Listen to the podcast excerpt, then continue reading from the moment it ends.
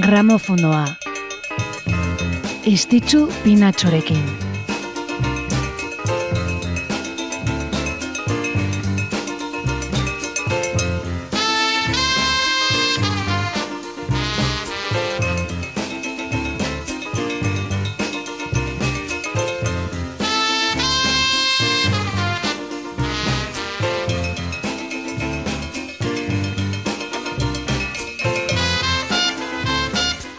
Gabon, Gabon eta ongi etorri, naiz irratian zaude gramofonoan. Horixe delako saio honen izena gramofonoa eta asteazkenero asteazkenero musikarekin zerikusia duten efemerideak errepasatzen ditugu. Musika saioa da hau, bai, kantu ederrak aditzen ditugu hemen. Bino erran bezala bide batez hainbat musikari eta historio ezagutzeko aitzakiarekin. Eta gaur, egun seinalatua dugu egutegian gorriz markatu behar den oietakoa. Bueno, gorriz, edo beki erranda, morez. Martxoaren zortzia delako gaur emakumearen nazioarteko eguna. Eta horregatik, eurek izanen dire protagonista gaur emakumeak izanen ditugu, hemen gramofonoan.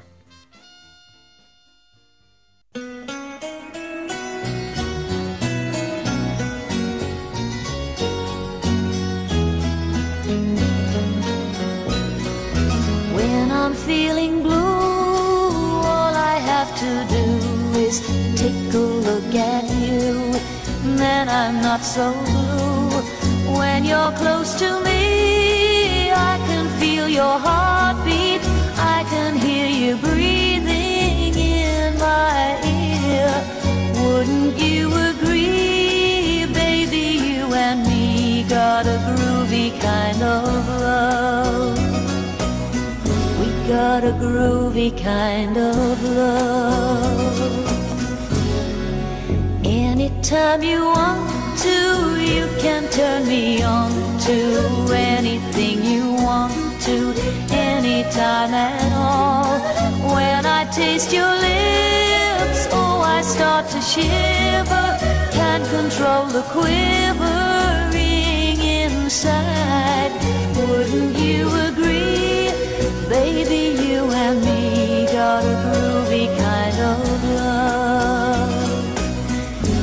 Got a groovy kind of love.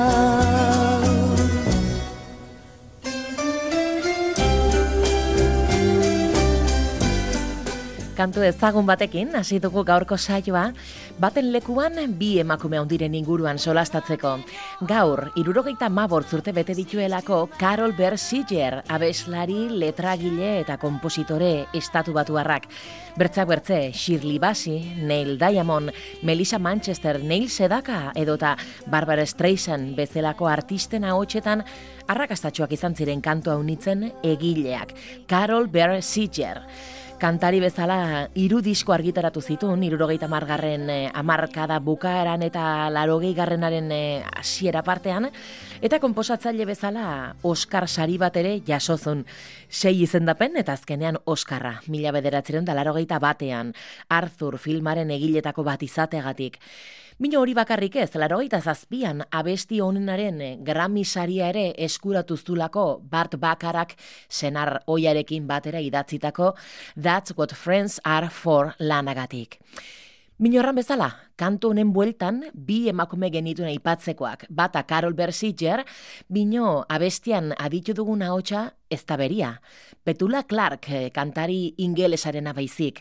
Bera izan baitzen Carol Bersigeren eh, lehen kantuari ahotsa jarri zion interpretea. Petula Clark filme bikainetan part hartu arren bere ibilbide artistikoa musikaren munduarekin lotuta egonda batez ere mundu horretan eh, eminentzia bat izateraino. Irurogeita amar milioi disko bino gehiago saldu dituelako bere ibilbidean eta beslari Britainiar emankorrena izatearen errekorra ere baduelako.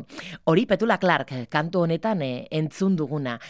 Carol Bersitgerrek eh, idatzitako kantu eder honetan. Zer eta gaur, komposatzaile haundi honen urte betetze eguna delako, irurogeita amasei urte. Eta honen izena da, You're Moving Out Today, Carol Bersitger.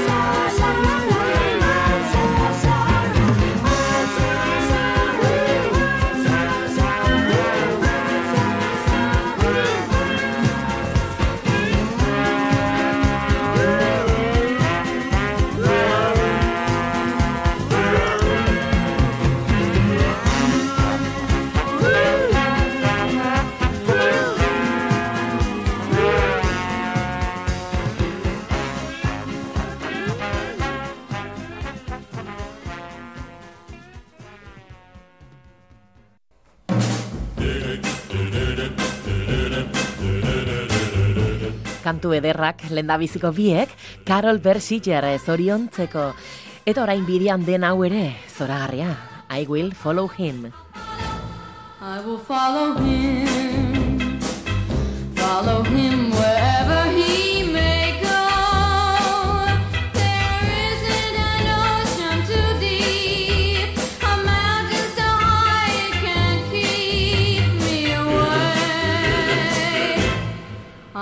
Follow.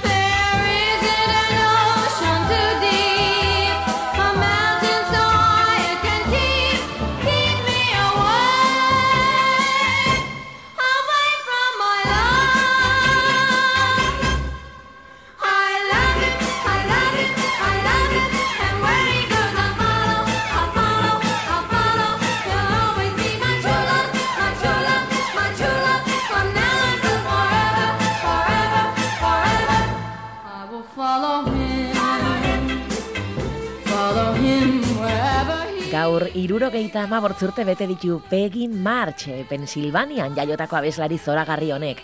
Little Peggy March izenarekin amalau urte bertzerik etzitula estatu batuetako lehen postua lortuzunak I Will Follow Him izeneko kantu hau moldatuz.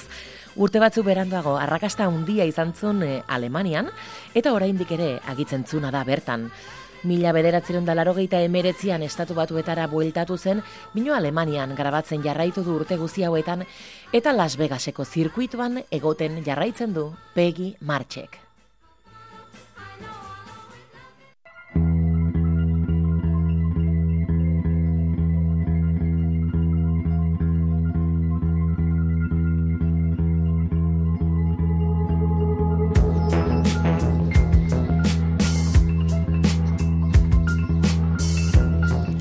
Gaur irurogeita urte bete ditu Peggy Marchek eta jarraian adituko dugun honekin bertze genero batzuetan murgilduko gara. Bertze emakumezko musikari bat zoriontzeko. Puxka bat gazteago hau, eh? Bino zenbaki borobila urten. Berrogeita mar urte. Herberetatik elduden talde honetako abeslariak.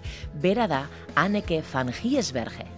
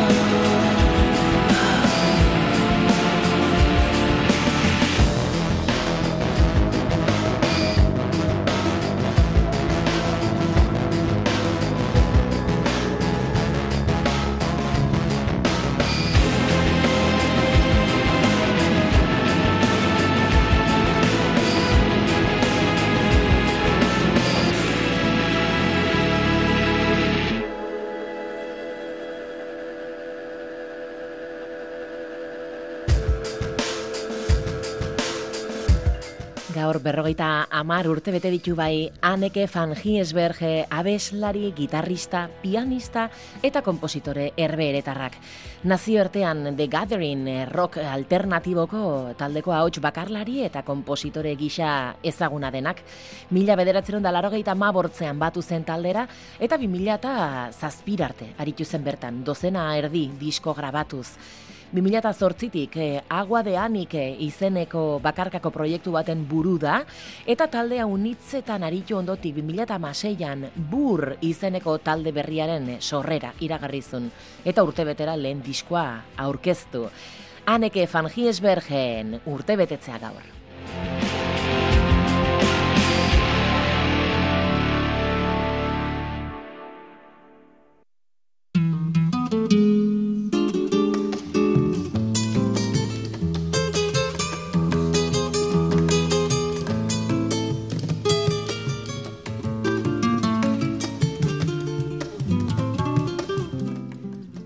Berriro ere, estiloz, tempoz eta giroz aldatuko dugu emakume urratzaile batekin. Perunaino joanen gara limara. Bere garaiko eta estatus sozialeko emakume jarraitu zituzten eh, arauak eta eskemak hautsi zitun eh, emakume urratzaile batekin. Bera da txabuka granda. Déjame que te cuente limeño,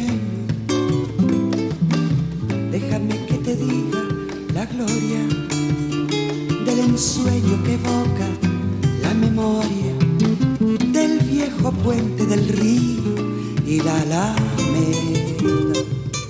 Déjame que te cuente limeño, ahora que aún perfuma el recuerdo ahora que aún se mece en un sueño el viejo puente, el río y la alameda. Jazmines en el pelo y rosas en la cara irosa, caminaba la flor de la canela, derramaba lisura y azul, paso dejaba aromas de mixtura que en el pecho llevaba. Del puente a la alameda, menudo pie la lleva por la vereda que se estremece al ritmo de su cadera. Recogía la risa de la brisa del río y al viento la lanzaba del puente a la alameda. Déjame que te cuente limeño, ahí deja. Txabuka granda. Bere kantuak eta hitzak arretaz aditu biharrekoak. Txabuka zen eh, dotorezia, kanta egina. Eta familia honekoa bazen ere, limako goi mailako gizartearen eskemetatik ateratzen zen. Abestu egiten zuen eta kreol eta beltzekin biltzen zen.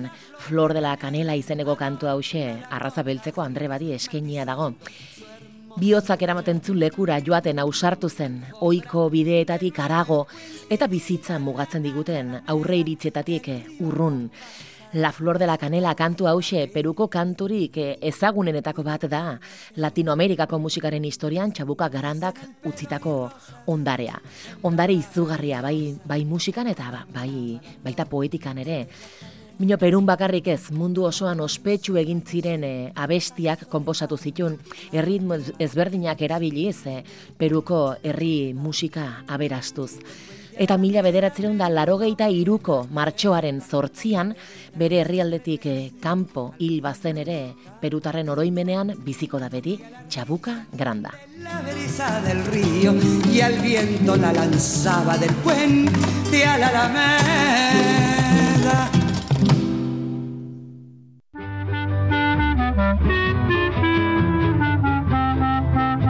Eta limatik Sao Paulora, Brasildarrek ere antziko ez duten bertze emakume bat ere omendat, omendu nahi dugulako gaur. Noite eu rondo a cidade a te procurar sem encontrar. No meio de olhares espio, nas mesas dos bares você não está. Volto pra casa batida, desenganada da vida. No sonho eu vou descansar, nele você está. Ai, se eu tivesse quem bem me quisesse, esse alguém me diria: Desiste, essa busca é inútil, eu não desistia. Porém, com perfeita paciência, sigo a procurar, hei de encontrar. Bebendo com outras mulheres, rolando um dadinho, jogando bilhar. E nesse dia então vai dar na primeira edição cena de sangue num bar da Avenida São João.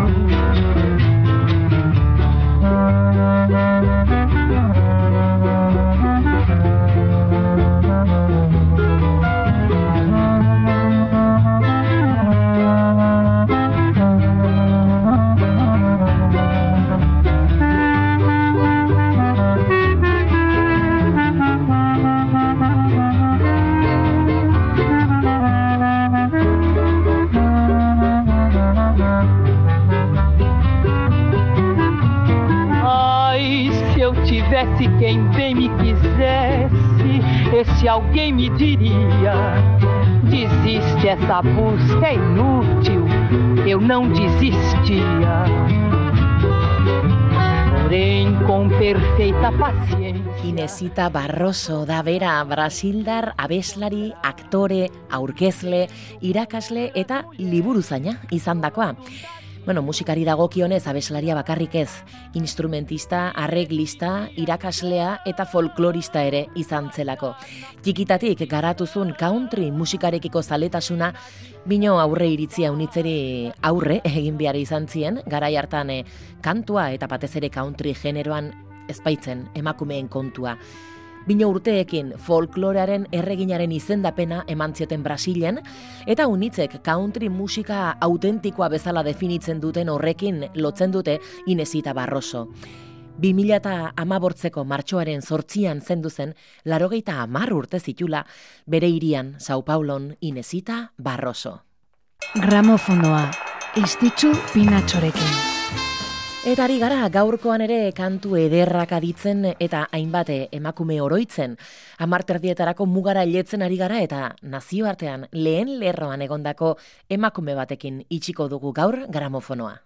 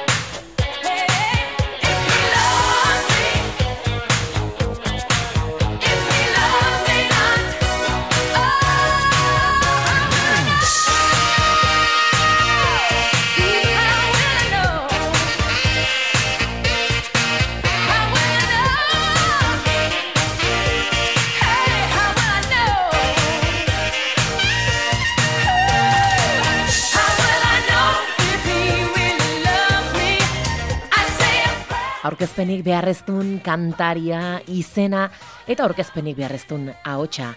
Whitney Houston gaur gure efemeridetan mila bederatzerun da larogeita bortzean argitaratuzun lehen LPA bere izena eramantzunak Whitney Houston eta larogeita seiko martxoaren sortzian estatu batuetako zerrenda guztietako gailurrera ailetu zen.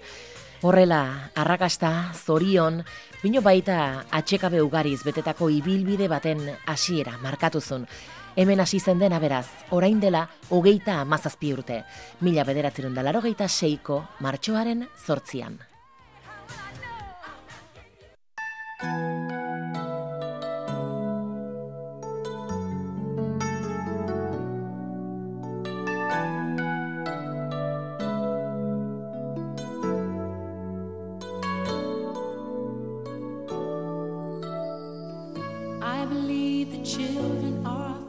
Whitney Houstonekin agurtuko dugu gaurko gramofonoa emakumei eskenitako saio beresi hau.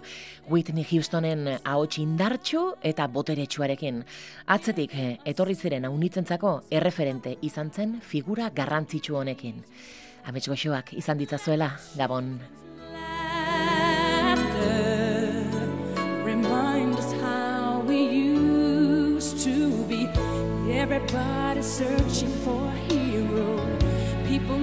someone to look up to. I never found anyone who fulfilled my needs.